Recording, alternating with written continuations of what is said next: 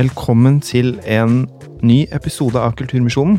Vi er nå kommet til episode 15, og i dag skal vi snakke om Shushako Endo. Jeg blir alltid så nervøs når jeg sier det navnet. Ja. Eh, I studio så sitter jeg, Arne Christian Konradsen, og Maria Bjørdal. Og Ingrid Nyhus. ja. Vi skal ha en litt annerledes episode, eller egentlig en todelt episode i dag. Mhm. Eh, fordi vi har vært så heldige å få snakke med oversetter av den nå aktuelle boka.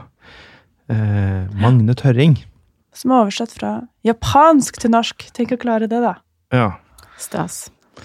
Eh, så den ene delen eh, kommer til å handle litt sånn ganske litt mer på nerdenivå om boka Taushet og Endo.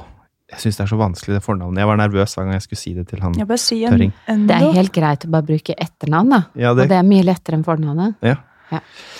så um, Det kommer jo til å bli en del sånne navneproblemer i den episoden, da, kan vi kanskje røpe, for det er jo en litt sånn japanske navn og sånn. Ja. Ja. Kichihiro og litt forskjellig. Så vi får være rause med hverandre, og dere lyttere kan være rause med oss, dere som tilfeldigvis kan japansk. Det er jo sikkert noen Mission-barn der ute som hører på, som Ja.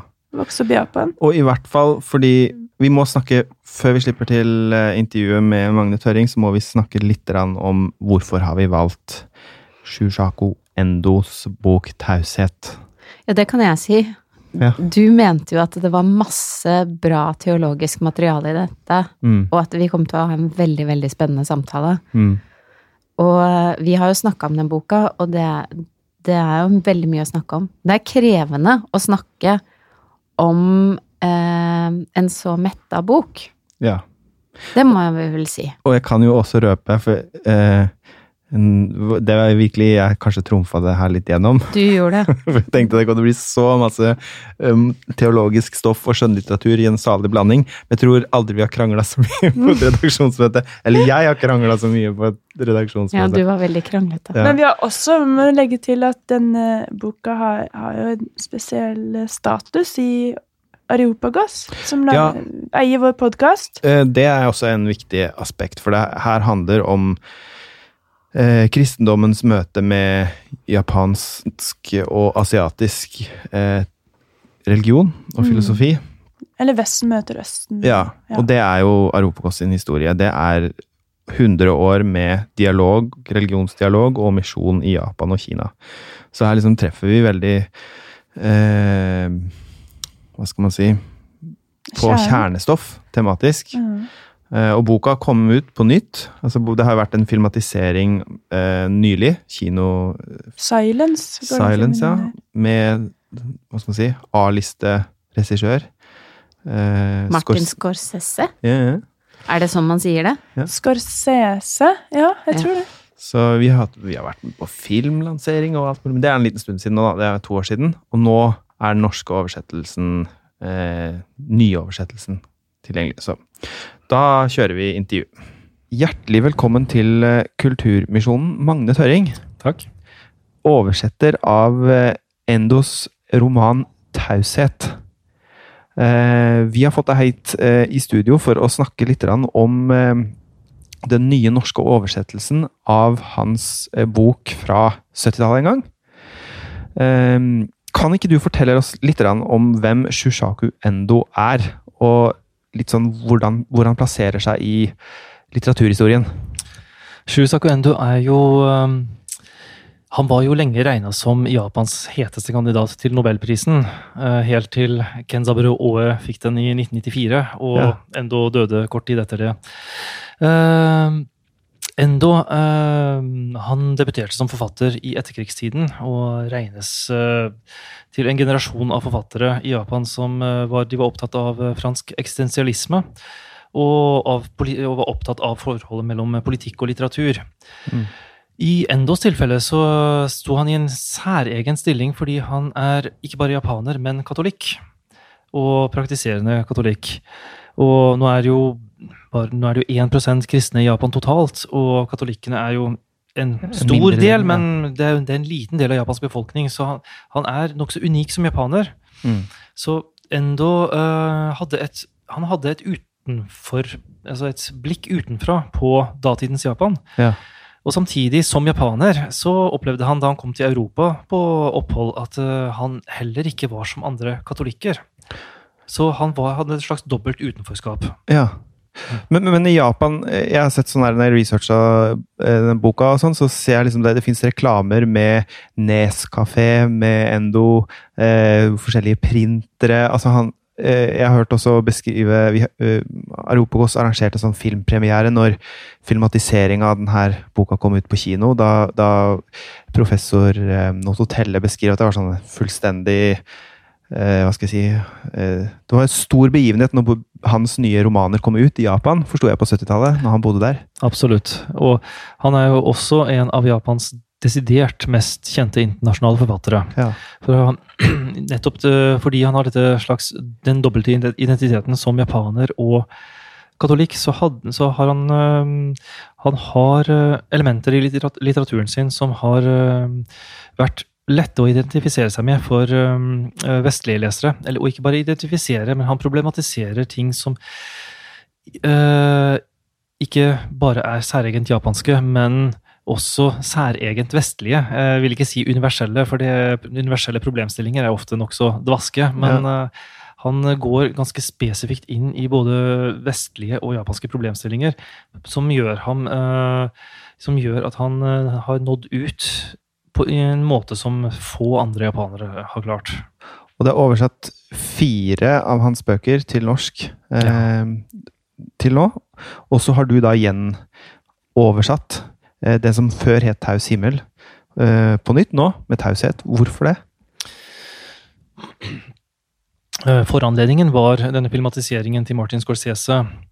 Men eh, da jeg begynte å oversette romanen, så så jeg jo fort at eh, det var Selv om den eh, forrige oversettelsen var absolutt lesbar, og jeg har lært veldig mye av den, så så jeg at det var ting i måten eh, den var formulert på, eh, noe i tonen, som jeg ikke var enig med. Mm. Som jeg opplevde var Hva var det med tonen?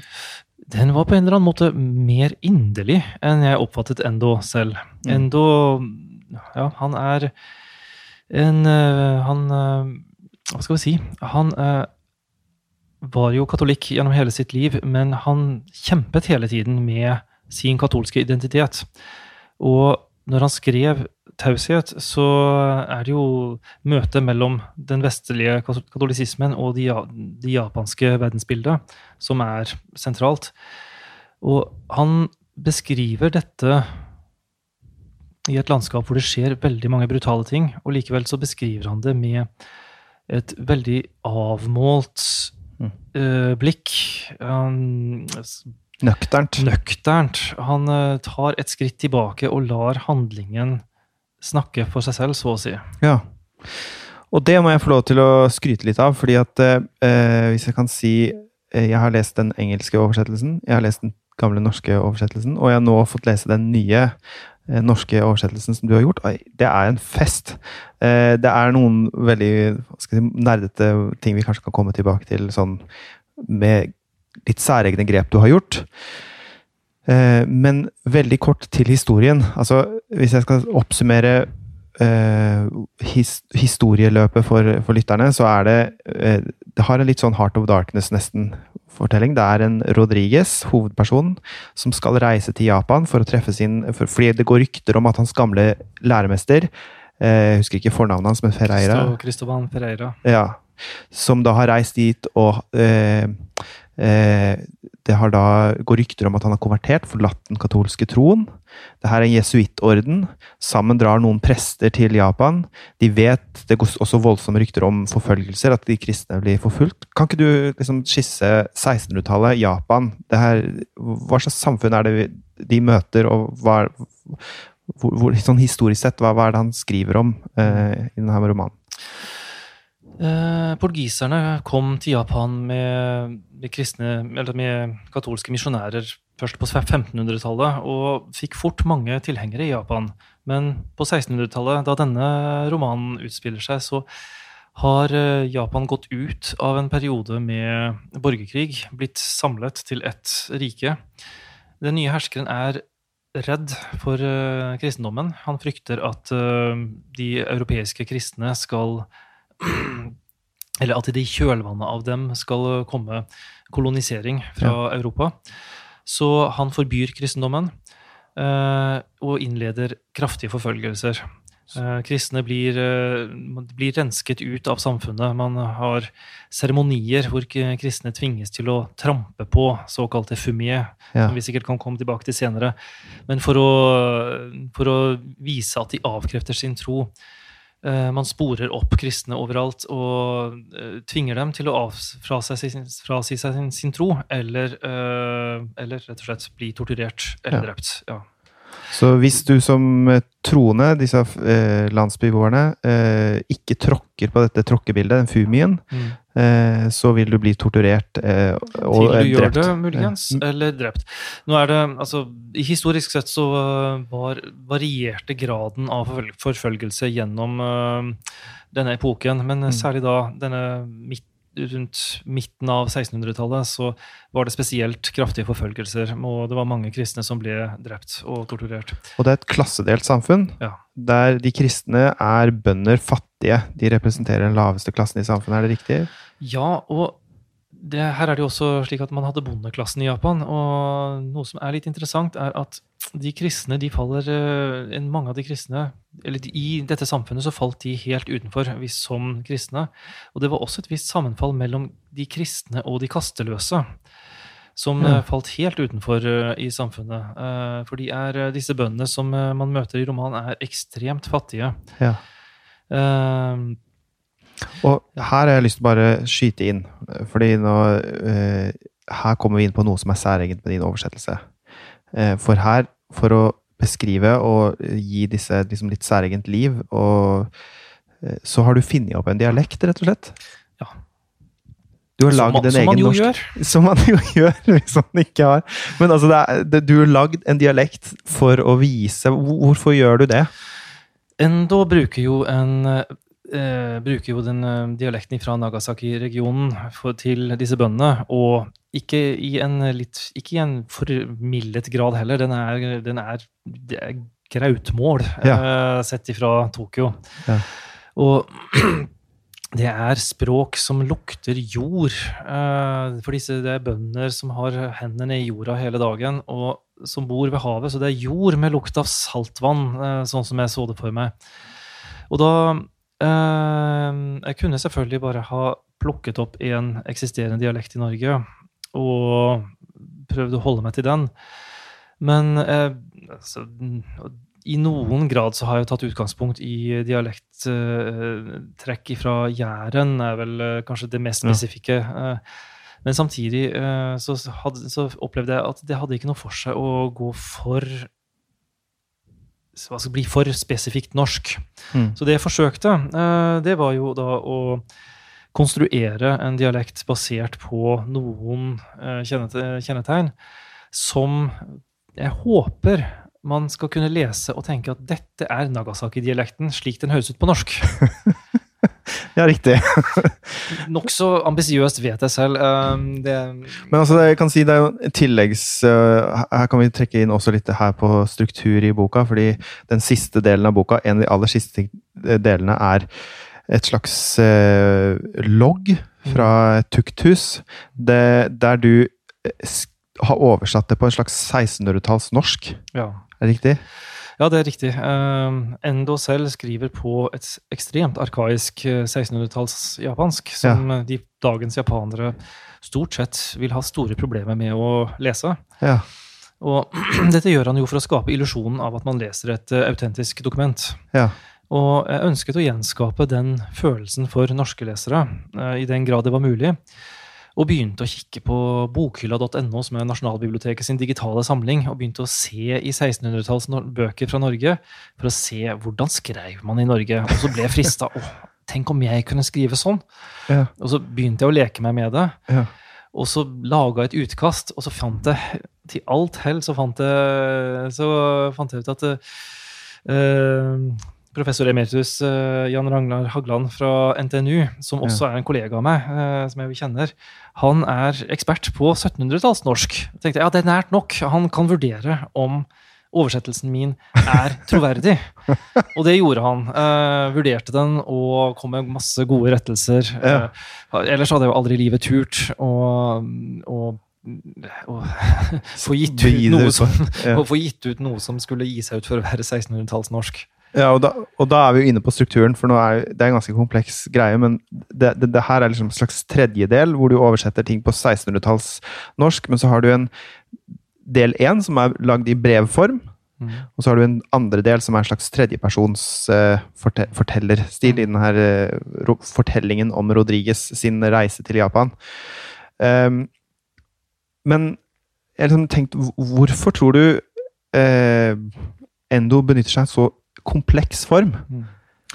Jeg må jo bare berolige leserne, eller håpefulle lesere, med at Ja. denne 1600-tallsdelen den er bare noen få sider. sånn at det, man kommer seg gjennom det. Jeg syns ikke det var veldig vanskelig å Nei. finne ut hva som Det ligger jo litt som detektivarbeid for leseren. da, At du f- kan finne ut hva er det som skje, har skjedd, hva er slutten?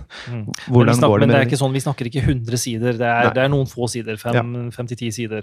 Riktig. Men øh, jo, den strukturen øh, Endo er øh, nok opptatt av at man skal komme altså For det første så vil han at du skal komme tett på Rodriguez, særlig da i romanens første del, hvor man leser Rodriguez brev, eh, brev hjem til eh, Europa.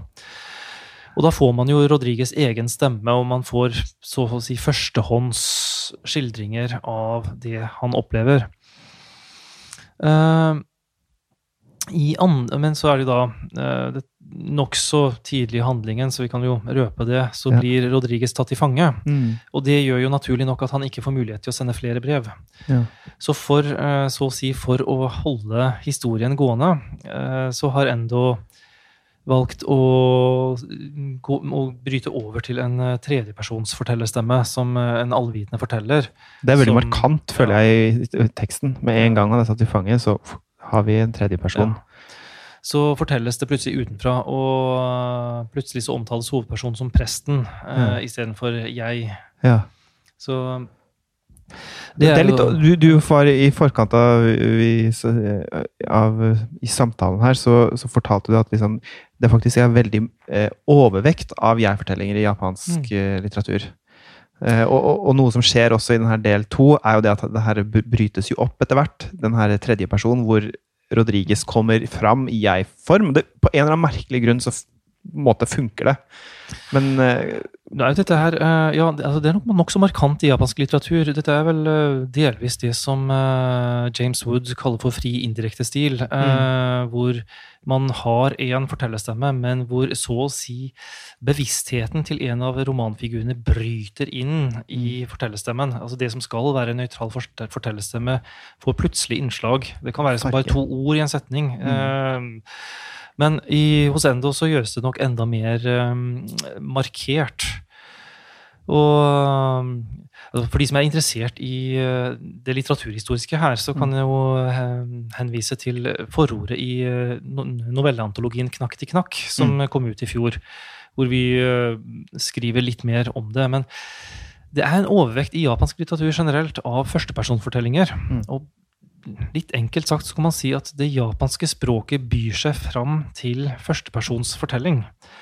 Eh, I den grad at man påstår, eller enkelte påstår i hvert fall, at det finnes bare én roman på japansk som er gjennomført tredjepersons allvitende forteller, og det er Natsume sin Soseki sin eh, Lys og mørke, som man aldri helt blir ferdig med, og som heller ikke regnes som en spesielt god eh, roman.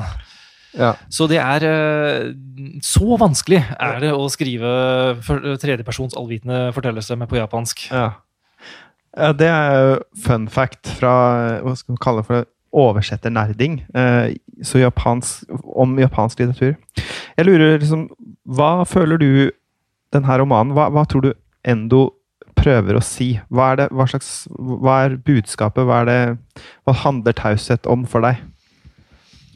Um, taushet er jo På overflaten så er det jo en uh, fortelling om uh, den kristne tro i møte med det japanske samfunnet. Mm.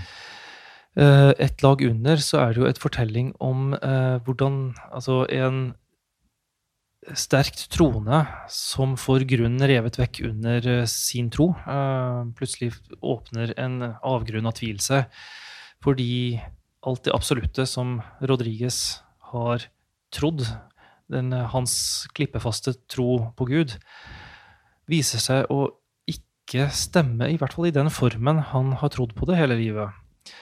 Um, det, er også en, eh, det er også en roman om uh, møtet mellom en si, i litt mer generell forstand en vest, et vestlig verdensbilde og et japansk verdensbilde. Mm.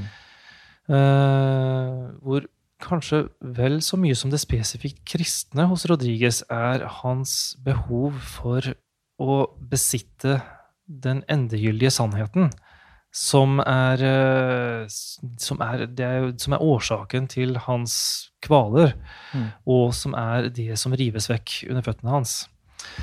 Uh, hvor han kommer inn med en klar formening om hva som er en endegyldig sannhet for alle land til alle tider, som alle mennesker skal eh, tilegne seg. Mm. Men møtes med en virkelighet hvor selv når han tror at eh, han har klart å formidle sin sannhet videre til andre, så viser det seg at i det øyeblikket et annet menneske har tatt imot sannheten, så forandrer den seg. Mm. Den eh, fordreies, den blir til noe annet enn det den var. Og, og skulle tro at det finnes én sannhet, det, det holder bare ikke vann i den virkeligheten som, eh, en, som, som. Endo beskriver, og Ja. som Rodriguez kommer til. Kommer du til å gjøre, oversette flere romaner av Endo framover? Ja, eh, det er planlagt at eh, vi i hvert fall skal oversette én Vi, nå sier jeg eh, jeg skal oversette for, eh, i samarbeid med forlaget. Forlaget? Men eh, at det skal komme ut én eh, roman til. Eh, Hvilken det blir, det vet vi ikke ennå. Men jeg håper at det kan bli en av de romanene som ennå ikke har vært oversatt til norsk. Ja, spennende. Det skal vi følge med på. Tusen takk til deg, Magne Terring. Takk selv. Kulturmisjonen er en podkast fra stiftelsen Areopagos. De arbeider med livssynsdialog, religionsstudier, bistand og kristen spiritualitet. De har medlemsforeninger i Norge og i Danmark. Du kan bli medlem og lese mer om stiftelsen på areopagos.no.